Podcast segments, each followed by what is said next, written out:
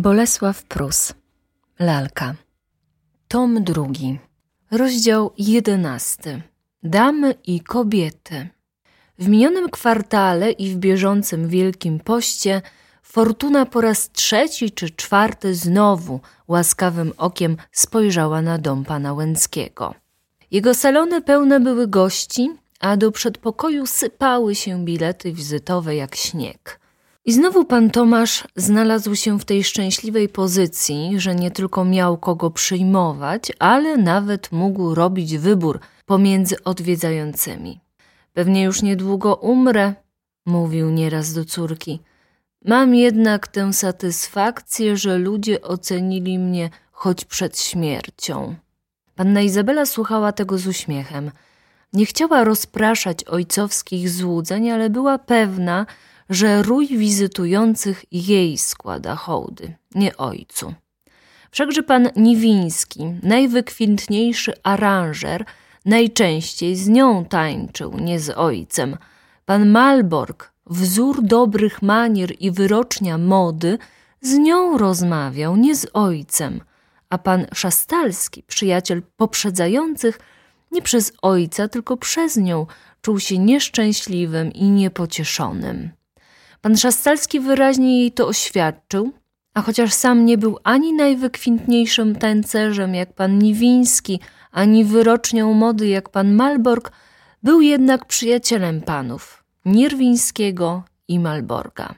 Mieszkał blisko nich, z nimi jadł, z nimi sprowadzał sobie angielskie lub francuskie garnitury, damy zaś dojrzałe, nie mogąc w nim dopatrzeć żadnych innych zalet, nazywały go przynajmniej poetycznym. Dopiero drobny fakt, jedno zdanie zmusiło pannę Izabelę do szukania w innym kierunku tajemnicy jej triumfów. Podczas pewnego balu rzekła do panny Pantarkiewiczówny.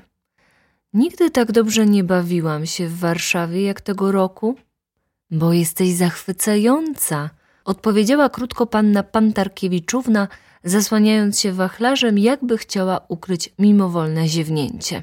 Panny w tym wieku umieją być interesujące, odezwała się na cały głos pani Zderzyńców Upadalska do pani Sfertalskich Wywrotnickiej. Ruchy wachlarza panny Pantarkiewiczówny i słówko pani Zderzyńców Upadalskiej zastanowiły pannę Izabelę. Za dużo miała rozumu, ażeby nie zorientować się w sytuacji jeszcze tak jaskrawo oświetlonej. Cóż za wiek, myślała. Dwadzieścia pięć lat jeszcze nie stanowią tego wieku. Co one mówią? Spojrzała na bok i zobaczyła utkwione w siebie oczy Wokulskiego. Ponieważ miała do wyboru albo przypisać swoje triumfy temu wiekowi, albo Wokulskiemu, więc poczęła zastanawiać się nad Wokulskim. Kto wie, czy nie był on mimowolnym twórcą uwielbień, które ją ze wszech stron otaczały zaczęła przypominać sobie. Przede wszystkim ojciec pana Niwińskiego miał kapitały w spółce, którą założył Wokulski, a która, o czym było wiadomo nawet pannie Izabeli, przynosiła wielkie zyski. Następnie pan Malborg, który ukończył jakąś szkołę techniczną, z czym się nie zdradzał, za pośrednictwem Wokulskiego, co w najgłębszej zachował dyskrecji, starał się o posadę przy kolei. I rzeczywiście dostał taką, która posiadała jedną wielką zaletę, że nie wymagała pracy i jedną straszną wadę, że nie dawała trzech tysięcy rubli pensji. Pan Malborg miał nawet o to żal do Wokulskiego, lecz ze względu na stosunki ograniczał się na wymawianiu jego nazwiska z ironicznym półuśmiechem.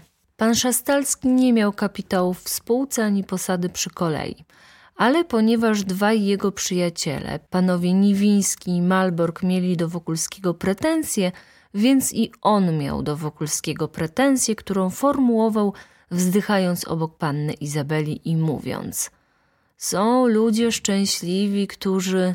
O tym, jak wyglądają ci, którzy, panna Izabela nigdy nie mogła się dowiedzieć.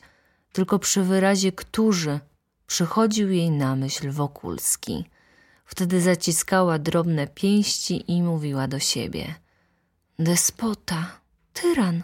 Choć Wokulski nie zdradzał najmniejszych skłonności ani do tyranii, ani do despotyzmu. Tylko przypatrywał się jej i myślał, tyżeś to czy nie ty? Czasami na widok młodszych i starszych elegantów otaczających pannę Izabelę, której oczy błyszczały jak brylanty albo jako gwiazdy, po niebie jego zachwytów przelatywał obłok i rzucał mu na duszę cień nieokreślonej wątpliwości. Ale Wokulski na cienie zamykał oczy. Panna Izabela była jego życiem, szczęściem, słońcem, którego nie mogły zaćmić jakieś przelotne chmurki, może nawet zgoła urojone. Niekiedy przychodził mu na myśl żest, zdziczały mędrzec wśród wielkich pomysłów, który wskazywał mu inny cel, aniżeli miłość panny Łęckiej. Ale wówczas starczyło Wokulskiemu jedno spojrzenie panny Izabeli, ażeby go otrzeźwić z mrzonek. Co mi tam ludzkość? Mówił, wzruszając ramionami. Za całą ludzkość i za całą przyszłość świata, za moją własną wieczność – nie oddam jednego jej pocałunku. I na myśl o tym pocałunku działo się z nim coś niezwykłego.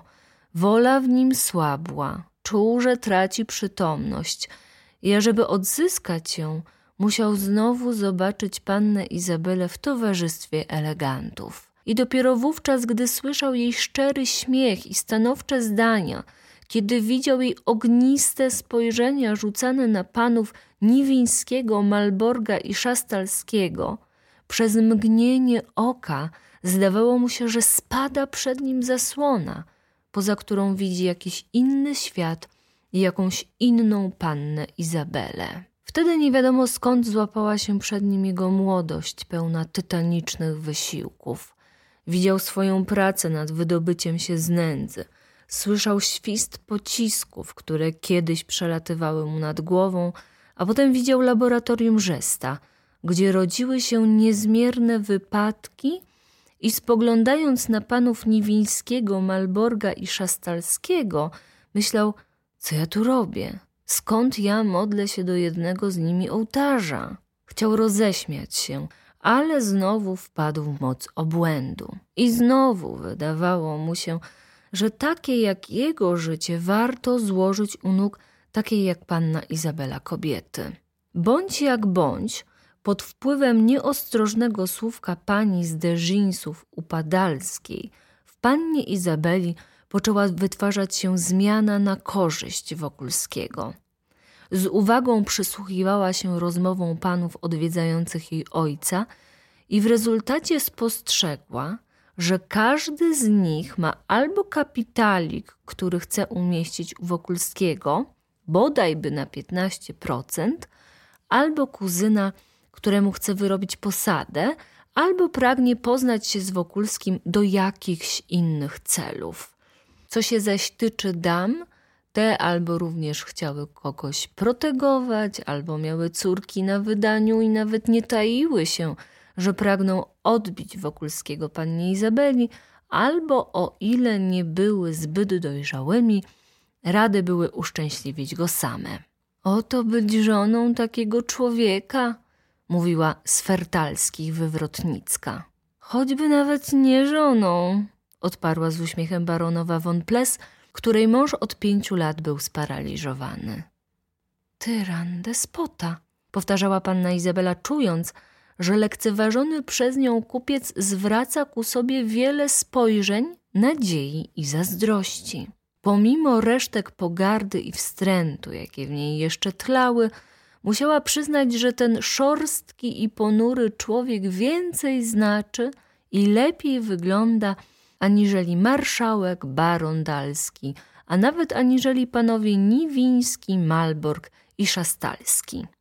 Najsilniej jednak wpływał na postanowienia jej książę – Książę, na którego prośbę Wokulski nie tylko w grudniu roku zeszłego nie chciał ofiarować pani Krzeszowskiej 10 tysięcy rubli, ale nawet w styczniu i lutym roku bieżącego nie dał ani grosza na protegowanych przez niego ubogich. Książę na chwilę stracił serce do Wokulskiego. Wokulski zrobił księciu przykry zawód. Książę sądził i wierzył, iż ma prawo tak sądzić, że człowiek podobny Wokulskiemu raz posiadłszy książęcą życzliwość, powinien wyrzec się nie tylko swoich gustów i interesów, ale nawet majątku i osoby, że powinien lubić to, co lubi książę, nienawidzieć tego, co nienawidzi książę, służyć tylko księcia celom i dogadzać tylko jego upodobaniom. Tymczasem ten parweniusz, aczkolwiek niewątpliwie dobry szlachcic, nie tylko nie myślał być książęcym sługą, ale nawet odważył się być samodzielnym człowiekiem. Nieraz sprzeczał się z księciem, a co gorsza, wręcz odmawiał jego żądaniom. Szorstki człowiek, interesowny, egoista, myślał książę, ale coraz mocniej dziwił się zuchwalstwu Dorobkiewicza. Traf zdarzył, że pan Łęcki, nie mogąc już ukryć zabiegów Wokulskiego o pannę Izabelę, zapytał księcia o zdanie o Wokulskim i o radę. Otóż książę, pomimo rozmaitych słabości, był z gruntu uczciwym człowiekiem. W sądzie o ludziach nie polegał na własnym upodobaniu, ale zasięgał opinii. Poprosił więc pana Łęckiego o parę tygodni zwłoki dla uformowania sobie zdania, a ponieważ miał rozmaite stosunki i jakby własną policję, podowiadywał się więc różnych rzeczy. Naprzód tedy zauważył, że szlachta lubo o Wokulskim odzywa się z przekąsem jako o Dorobkiewiczu i demokracie. W chciwości jednak chełpi się nim. Znać, że nasza krew, choć przystał do kupców, ile razy zaś chodziło o przeciwstawienie kogoś żydowskim bankierom, najzakamienialsi szlachcice wysuwali naprzód Wokulskiego. Kupcy a nade wszystko fabrykanci nienawidzili Wokulskiego. Najcięższe jednak zarzuty, jakie mu stawiali, były te: to szlachcic, wielki pan, polityk. Czego znowu książę w żaden sposób nie mógł mu brać za złe. Najciekawszych jednak wiadomości dostarczyły księciu zakonnice.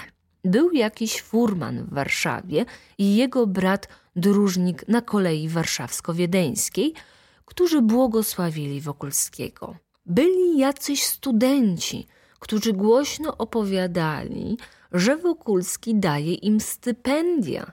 Byli rzemieślnicy, którzy zawdzięczali mu warsztaty, byli kramarze, którym Wokulski pomógł do założenia sklepów. Nie brakło nawet, o czym siostry mówiły z pobożną zgrozą i rumieniąc się, nie brakło nawet kobiety upadłej – którą Wokulski wydobył z nędzy, oddał do Magdalenek i ostatecznie zrobił z niej uczciwą kobietę. O ile, mówiły siostry, taka osoba może być uczciwą kobietą. Relacje te nie tylko zdziwiły, ale wprost przestraszyły księcia. I naraz Wokulski spotężniał w jego opinii. Był przecie człowiekiem, który ma swój własny program, ba, nawet prowadzi politykę na własną rękę, i który ma wielkie znaczenie wśród pospólstwa. To też kiedy książę w oznaczonym terminie przyszedł do pana Łęckiego, nie omieszkał jednocześnie zobaczyć się z panną Izabelą. W znaczący sposób uściskał ją i powiedział te zagadkowe słowa. Szanowna kuzynko, trzymasz w ręku niezwykłego ptaka. Trzymajże go i pieść tak, ażeby wyrósł na pożytek nieszczęśliwemu krajowi. Panna Izabela bardzo zarumieniła się. Odgadła, że owym niezwykłym ptakiem jest Wokulski. Tyran, despota, pomyślała. Pomimo to w stosunku Wokulskiego do panny Izabeli pierwsze lody były przełamane. Już zdecydowała się wyjść za niego. Pewnego dnia kiedy pan Łęcki był trochę niezdrów, a panna Izabela czytała w swoim gabinecie, dano jej znać, że w salonie czeka pani Wąsowska. Panna Izabela natychmiast wybiegła tam i zastała oprócz pani Wąsowskiej kuzynka Ochockiego, który był bardzo zachmurzony. Obie przyjaciółki ucałowały się z demonstracyjną czułością, ale Ochocki, który widział nie patrząc, spostrzegł, że albo jedna z nich, albo obie mają do siebie jakąś pretensję, zresztą niewielką. Czyżby o mnie? pomyślał. Nie trzeba się zbytecznie angażować. A i kuzynek jest tutaj, rzekła panna Izabela, podając mu rękę. Czegóż taki smutny? Powinien być wesoły, wtrąciła pani Wąsowska, gdyż przez całą drogę od banku do was umizgał się do mnie i to z dobrym skutkiem. Na rogu alei pozwoliłam mu odpiąć dwa guziki u rękawiczki i pocałować się w rękę. Gdybyś wiedziała, Belu, jak on nie umie całować. Tak, zawołał Ochocki, rumiejąc się powyżej czoła. Dobrze, od tej pory nigdy nie pocałuję pani w rękę, przysięgam. Jeszcze dziś przed wieczorem pocałujesz mnie pan w obie, odparła pani Wąsowska. Czy mogę złożyć uszanowanie panu Łęckiemu? spytał uroczyście Ochocki i nie czekając na odpowiedź panny Izabeli, wyszedł z salonu. Zawstydziłaś go, rzekła panna Izabela. To niech się nie umizga, kiedy nie umie. W podobnych wypadkach niezręczność jest śmiertelnym grzechem, czy nieprawda? Kiedyżeś przyjechała? Wczoraj rano, odpowiedziała pani Wąsowska. Ale dwa razy musiałam być w banku, w magazynie, zrobić porządki u siebie. Tymczasem asystuje mi Ochocki, dopóki nie znajdę kogoś zabawniejszego. Jeżeli mi kogo odstąpisz, dodała z akcentem.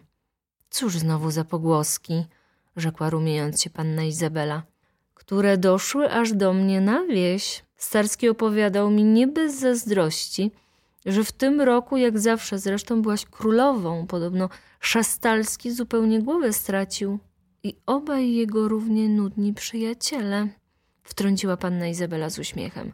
Wszyscy trzej kochali się we mnie co wieczór. Każdy oświadczał mi się w takich godzinach, ażeby nie przeszkadzać innym, a później wszyscy trzej zwierzali się przed sobą ze swoich cierpień. Ci panowie wszystko robią na spółkę. A ty co na to? Panna Izabela wzruszyła ramionami. Ty mnie pytasz? rzekła.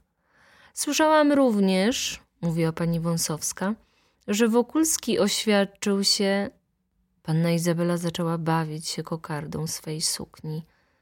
No zaraz oświadczył się.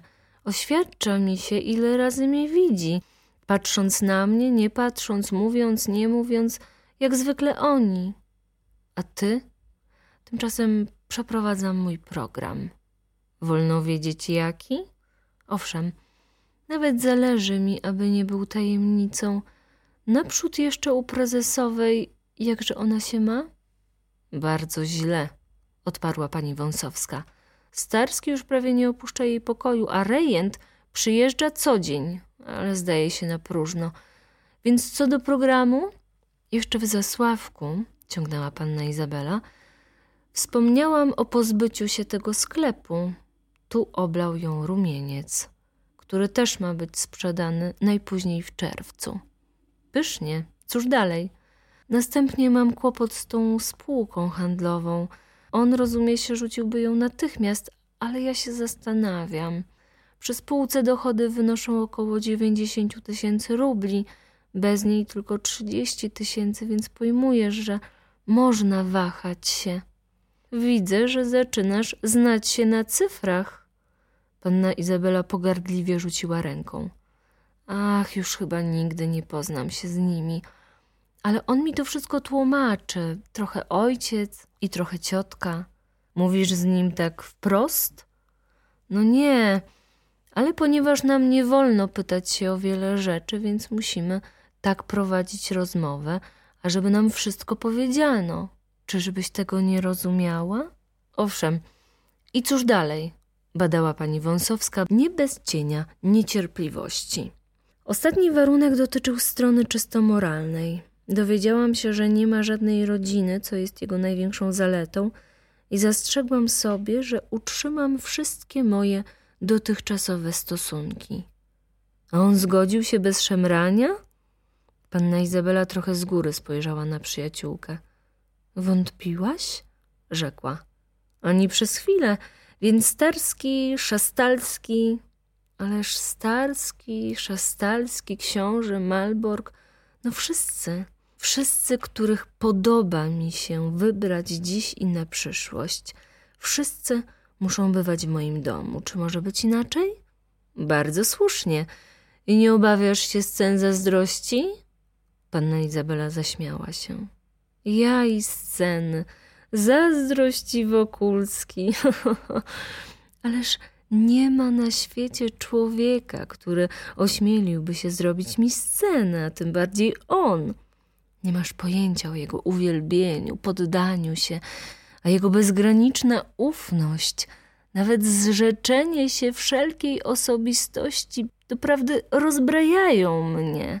I kto wie, czy to jedno nie przywiąże mnie do niego. Pani Wąsowska nieznacznie przygryzła usta. Będziecie bardzo szczęśliwi, a przynajmniej ty, rzekła pohamowawszy westchnienie. Chociaż widzisz jakieś chociaż? spytała panna Izabela z nieudawanym zdziwieniem. Powiem ci coś, ciągnęła pani Wąsowska tonem niezwykłego u niej spokoju. Prezesowa bardzo lubi Wokulskiego. Zdaje mi się, że go bardzo dobrze zna, choć nie wiem skąd, i często rozmawia ze mną o nim. I wiesz, co mi raz powiedziała? Ciekawam, odparła panna Izabela, coraz mocniej zdziwiona. Powiedziała mi, obawiam się, że Bela wcale nie rozumie Wokulskiego. Zdaje mi się, że z nim igra, a z nim igrać nie można. Jeszcze zdaje mi się, że oceni go za późno. Tak powiedziała prezesowa? Rzekła chłodno panna Izabela. Tak, zresztą powiem ci wszystko. Swoją rozmowę zakończyła słowami, które dziwnie mnie poruszyły. Wspomnisz sobie moje słowa, Kaziu, że tak będzie, bo umierający widzą jaśniej. Czy z prezesową aż tak źle? W każdym razie niedobrze. Sucho zakończyła pani Wąsowska, czując, że rozmowa zaczyna się rwać. Nastała chwila milczenia, którą szczęściem przerwało wejście Ochockiego. Pani Wąsowska znowu bardzo serdecznie pożegnała pannę Izabelę i rzucając na swego towarzysza ogniste spojrzenia rzekła. Więc teraz jedziemy do mnie na obiad. Ochocki zrobił wielką minę, która miała oznaczać, że nie pojedzie z panią Wąsowską. Nachmurzywszy się jednak jeszcze bardziej, wziął kapelusz i wyszedł.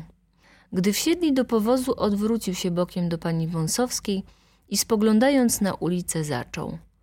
Żeby ta Bela raz już skończyła z Wokulskim, tak albo owak. Zapewne wolałbyś pan tak, ażeby zostać jednym z przyjaciół domu. Ale to się na nic nie zdało, rzekła pani Wąsowska.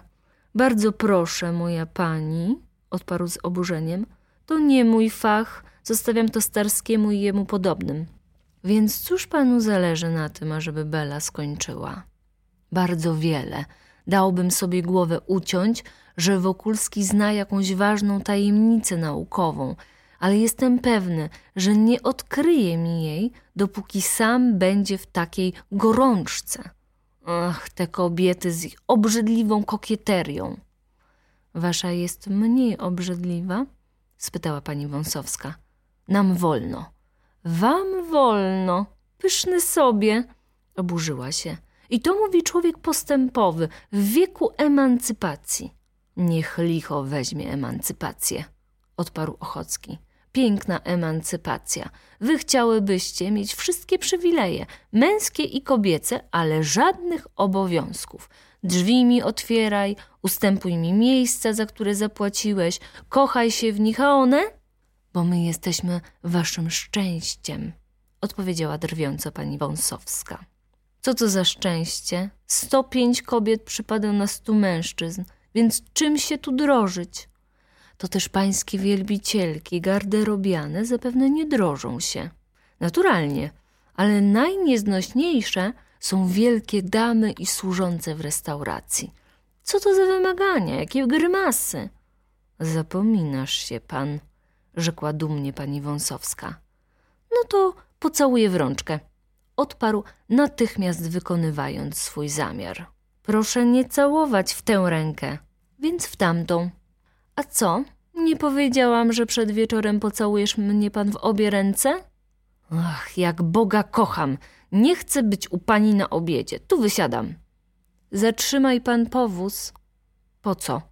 No, jeżeli chcesz tu wysiąść. Właśnie, że tu nie wysiądę. O, ja nieszczęśliwy, z takim podłym usposobieniem.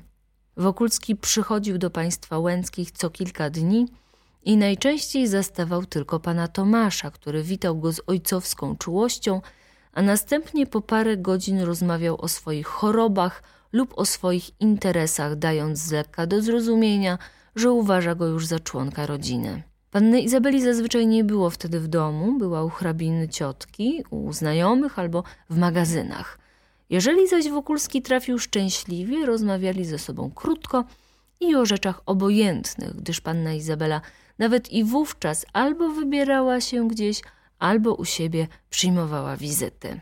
W parę dni po odwiedzinach pani Wąsowskiej Wokulski zastał pannę Izabelę. Podając mu rękę, którą jak zwykle z religijną czcią ucałował, rzekła: Wie pan, że z prezesową jest bardzo niedobrze? Wokulski stropił się. Biedna, zacna staruszka, gdybym był pewny, że moje przebycie nie przestraszy jej, pojechałbym. Czy aby ma opiekę? O tak, odparła panna Izabela. Są tam baronostwo dalscy, rzekła z uśmiechem bo Ewelinka już wyszła za barona, jest Fela Janocka i Starski. Twarz jej oblał lekki rumieniec i umilkła. Oto skutki mego nietaktu, pomyślał Wokulski. Spostrzegła, że ten Starski wydaje mi się niesmacznym i teraz miesza się na lada wspomnienie o nim. Jakże to podle z mojej strony. Chciał powiedzieć coś życzliwego o Starskim, ale uwięzły mu wyrazy.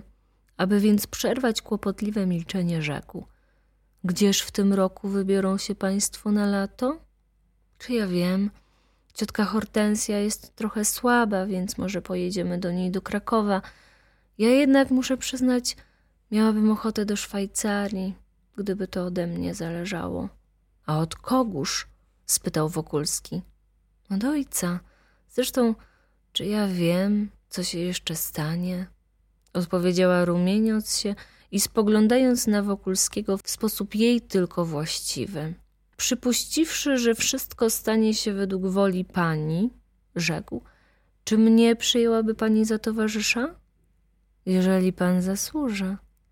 Powiedziała to takim tonem, że Wokulski stracił władzę nad sobą. Już nie wiadomo po raz który w tym roku. Czym ja mogę zasłużyć na łaskę pani? spytał, biorąc ją za rękę. Chyba litość. Nie, nie litość. Jest to uczucie równie przykre dla ofiarującego, jak i dla przyjmującego. Litości nie chcę, ale niech pani tylko pomyśli, co ja pocznę, tak długo nie widząc pani. Prawda, że i dziś widujemy się bardzo rzadko, pani nawet nie wie, jak wlecze się czas tym, którzy czekają. Ale dopóki mieszka pani w Warszawie, mówię sobie, zobaczę ją pojutrze, jutro – Zresztą mogę zobaczyć w każdej chwili, jeżeli nie panią, to przynajmniej ojca, Mikołaja, choćby ten dom. Ach, mogłaby pani spełnić uczynek miłosierny i jednym słowem zakończyć. Nie wiem, moje cierpienia czy przywidzenia. Wszak zna pani to zdanie, że najgorsza pewność jest lepsza od niepewności.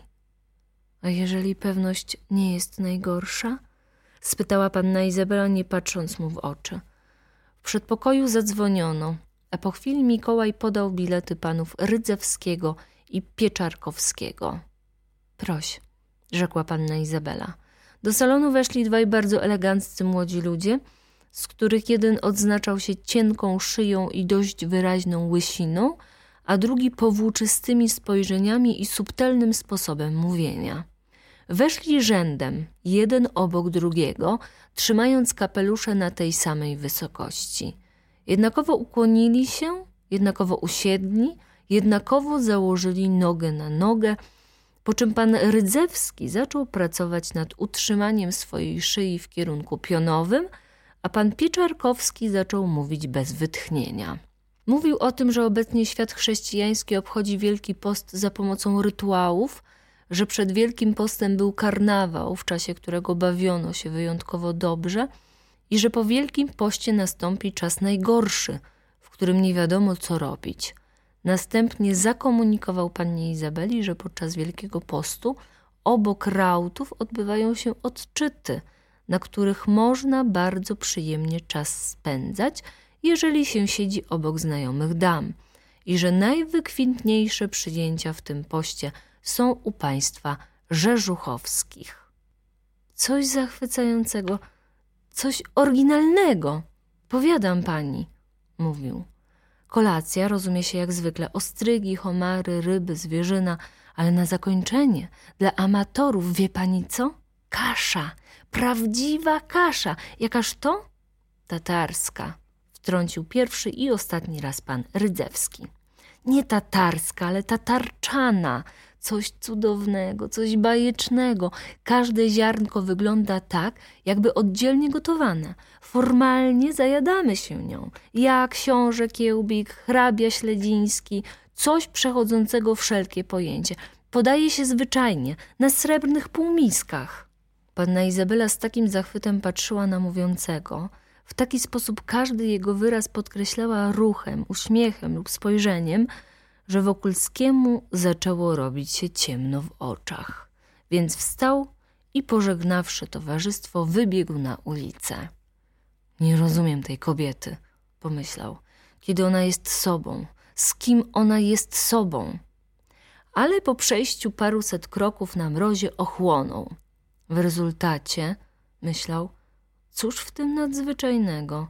Musi żyć z ludźmi, do których nawykła, jeżeli z nimi żyje, musi słuchać ich błazeńskiej rozmowy. Co ona zaś temu winna, że jest piękna jak bóstwo i że dla każdego jest bóstwem? Chociaż gust do podobnego towarzystwa, ach, jakiż ja jestem nikczemny, zawsze i zawsze nikczemny. Ile razy po wizycie u panny Izabeli, jak dokuczliwe muchy rzucały się na niego wątpliwości, biegł do pracy. Przeglądał rachunki, uczył się angielskich słówek, czytał nowe książki, a gdyby i to nie pomagało, szedł do pani Stawskiej. U niej spędzał cały wieczór i dziwna rzecz, w jej towarzystwie znajdował, jeżeli nie zupełny spokój, to przynajmniej ukojenie. Rozmawiali o rzeczach najzwyklejszych.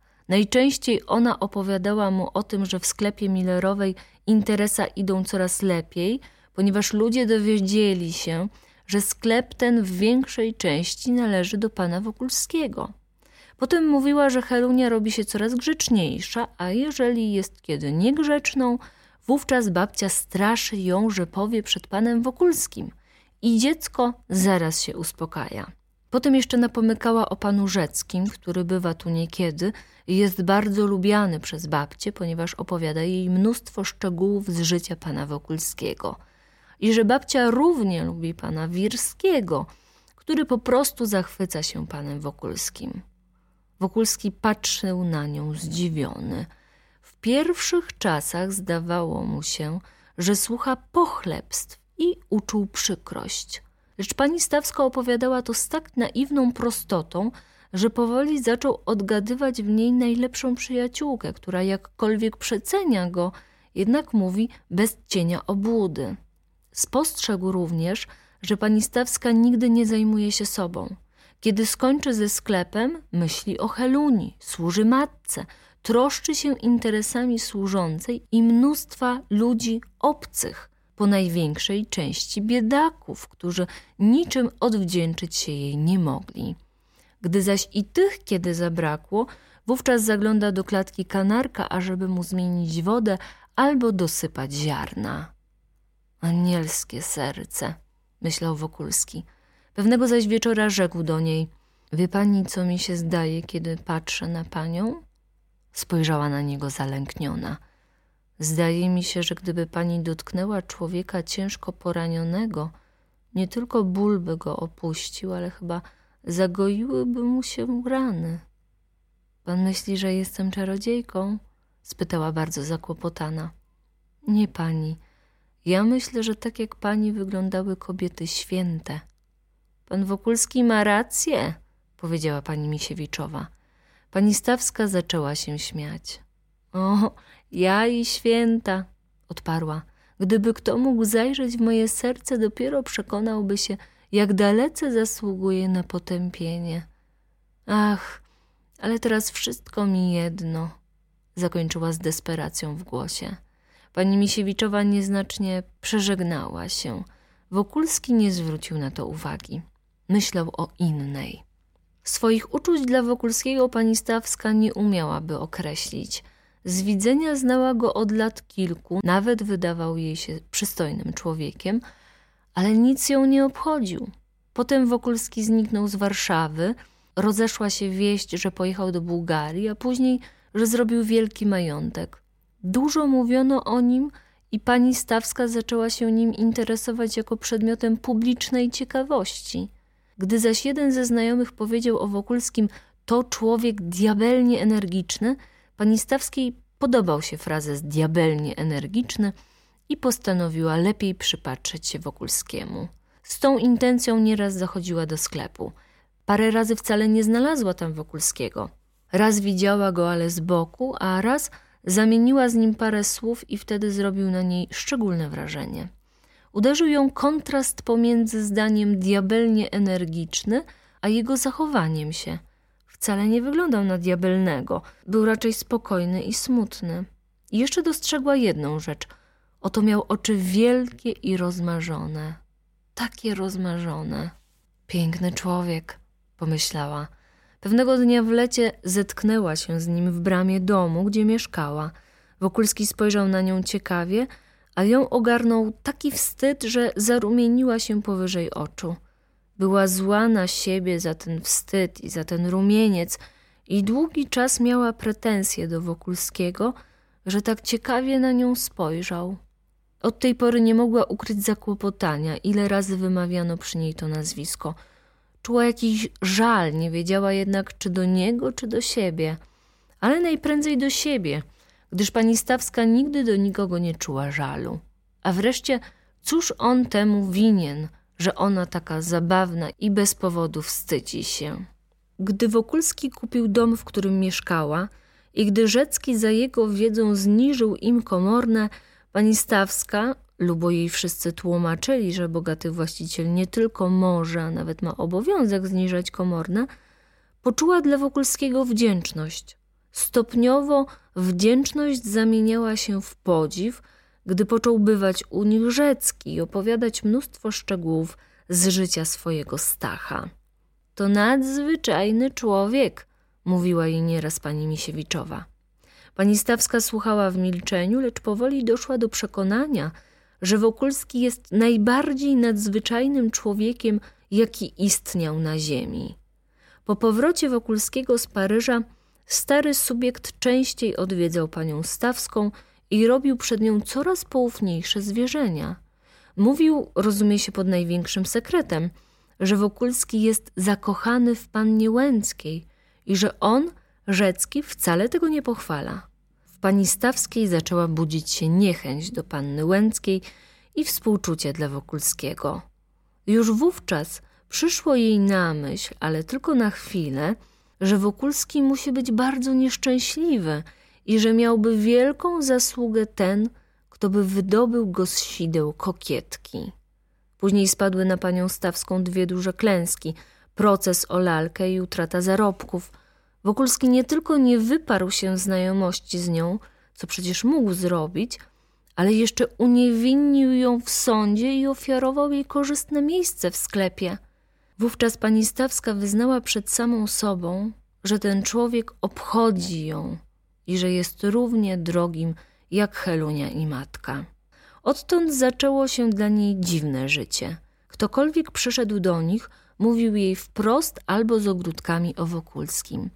Pani Denowa, pani Kolerowa i pani Radzińska tłumaczyły jej, że Wokulski jest najlepszą partią w Warszawie – Matka napomykała, że Ludwiczek już nie żyje, zresztą choćby żył, nie zasługuje na jej pamięć. Nareszcie Rzecki za każdą bytnością opowiadał, że jego Stach jest nieszczęśliwy, że trzeba go ocalić, a ocalić go może tylko ona. W jaki sposób? Zapytała, sama niedobrze rozumiejąc, co mówi. Niech go pani pokocha, to znajdzie się sposób. odparł Rzecki. Nie powiedziała nic, ale w duszy robiła sobie gorzkie wyrzuty, że nie potrafi kochać Wokulskiego, choćby chciała. Już serce jej wyschło. Zresztą ona sama nie jest pewna, czy ma serce. Wprawdzie myślała wciąż o Wokulskim podczas zajęć sklepowych czy w domu. Czekała jego odwiedzin, a gdy nie przyszedł, była rozdrażniona i smutna. Często śnił jej się, ale to przecie nie miłość. Ona nie jest zdolna do miłości. Jeżeli miałaby powiedzieć prawdę, to już nawet męża przestała kochać. Zdawało jej się, że wspomnienie o nieobecnym jest jak drzewo w jesieni, z którego opadają liście całymi tumanami i zostaje tylko czarny szkielet. Gdzie mnie tam do kochania? myślała. We mnie już namiętności wygasły. Rzecki tymczasem wciąż wykonywał swój chytry plan. Z początku mówił jej, że panna Łęcka zgubi Wokulskiego. Potem, że tylko inna kobieta mogłaby go otrzeźwić. Potem wyznał, że Wokulski jest znacznie spokojniejszy w jej towarzystwie, a nareszcie, ale o tym wspomniał w formie domysłu, że Wokulski zaczyna ją kochać. Pod wpływem tych zwierzeń pani Stawska szczuplała, mizerniała, nawet zaczęła się trwożyć. Opanowała ją bowiem jedna myśl. Co ona odpowie, jeżeli Wokulski wyzna, że ją kocha? Wprawdzie serce w niej już od dawna zamarło, ale czy będzie miała odwagę odepchnąć go i przyznać, że ją nic nie obchodzi? Czy mógł jej nie obchodzić człowiek taki jak on? Nie dlatego, że mu coś zawdzięczała, ale że był nieszczęśliwy i że ją kochał? Która kobieta, myślała sobie, potrafi nie litować się nad sercem tak głęboko zranionym, tak cichym w swojej boleści? Zatopiona w wewnętrznej walce, której nie miała się nawet przed kim zwierzyć, pani Stawska nie spostrzegła zmiany w postępowaniu pani Millerowej. Nie zauważyła jej uśmiechów i półsłówek. Jakże się miewa pan Wokulski? Pytała jej nieraz kupcowa. O, dziś jest pani mizerniutka. Pan Wokulski nie powinien już pozwolić, żeby pani tak pracowała. Pewnego dnia, było to jakoś w drugiej połowie marca, Pani Stawska, wróciwszy do domu, zastała matkę zapłakaną. Co to znaczy, mamo? Co się stało? spytała. Nic, nic, moje dziecko. Co ci mam życie zatruwać plotkami? Boże miłosierny, jacy ci ludzie niegodziwi. Pewnie mama odebrała anonim. Ja co parę dni odbieram anonimy, w których nawet nazywają mnie kochanką Wokulskiego. No i cóż? Domyślam się, że to sprawka pani Krzeszowskiej i rzucam list do pieca. Nic, nic, moje dziecko. Gdybyż to anonimy. Ale była dziś u mnie ta poczciwa Denowa z Radzińską i... Ale co ja mam ci życie zatruwać? One mówią, słuchać to podobno w całym mieście, że ty zamiast do sklepu chodzisz do Wokulskiego. Pierwszy raz w życiu w pani Stawskiej obudziła się lwica. Podniosła głowę, oczy jej błysnęły i odpowiedziała twardym tonem. A gdyby tak było, więc i cóż? Bój się Boga, co mówisz? Jęknęła matka, składając ręce. No, ale gdyby tak było, powtórzyła pani Stawska. A mąż? Gdzież on jest? Zresztą niech mnie zabije. A córka, Helunia, wyszeptała staruszka. Nie mówmy o Heluni, tylko o mnie. Heleno, dziecko moje, ty przecież nie jesteś jego kochanką. Tak, nie jestem, bo on tego jeszcze nie zażądał. Co mnie obchodzi pani Denowa czy Radzińska albo mąż, który mnie opuścił. Już nie wiem, co się ze mną dzieje. To jedno czuję, że ten człowiek zabrał mi duszę. Bądźże przynajmniej rozsądną. Zresztą jestem nią dopóki być mogę. Ale ja nie dbam o taki świat, który dwoje ludzi skazuje na tortury za to tylko, że się kochają. Nienawidzieć się wolno, dodała z gorzkim uśmiechem. Kraść, zabijać, wszystko, wszystko wolno, tylko nie wolno kochać. Ach, moja mamo, jeżeli ja nie mam racji, więc dlaczegoż Jezus Chrystus nie mówił ludziom bądźcie rozsądni, tylko kochajcie się. Pani Misiewiczowa umilkła, przerażona wybuchem, którego nigdy nie oczekiwała. Zdawało się, że niebo spada jej na głowę, kiedy z ust tej gołębicy bryzgnęły zdania, jakich dotychczas nie słyszała, nie czytała, jakie jej samej nie przeszły przez myśl, nawet kiedy była w tyfusie. Nawet kiedy była w tyfusie. Na drugi dzień był u niej Rzecki. Przyszedł z miną zakłopotaną, a gdy mu wszystko opowiedziała, wyszedł złamany. Bo właśnie dziś w południe zdarzył mu się taki wypadek. Do sklepu, do szlangbauma przyszedł kto? Maruszewicz i rozmawiał z nim blisko godziny. Inni subiekci, od czasu gdy dowiedzieli się, że szlangbaum kupuje sklep, natychmiast wobec niego spokornieli. Ale pan Ignacy schardział i po odejściu Maruszewicza zaraz zapytał: Cóż pan masz za interesa z tym łotrem, panie Henryku? Ale i szlangbaum już schardział, więc odpowiedział panu Rzeckiemu, wysunąwszy pierwej dolną wargę. Maruszewicz chce dla barona pożyczyć pieniędzy, a dla siebie chciałby jakiejś posady, bo już gadają na mieście, że Wokulski odstępuje mi swoją spółkę. Za to obiecuje mi, że baron będzie odwiedzał mój dom z baronową. I pan przyjmiesz taką jędzę? spytał Rzecki. Dlaczegoż by nie? Baron będzie dla mnie, a baronowa dla mojej żony.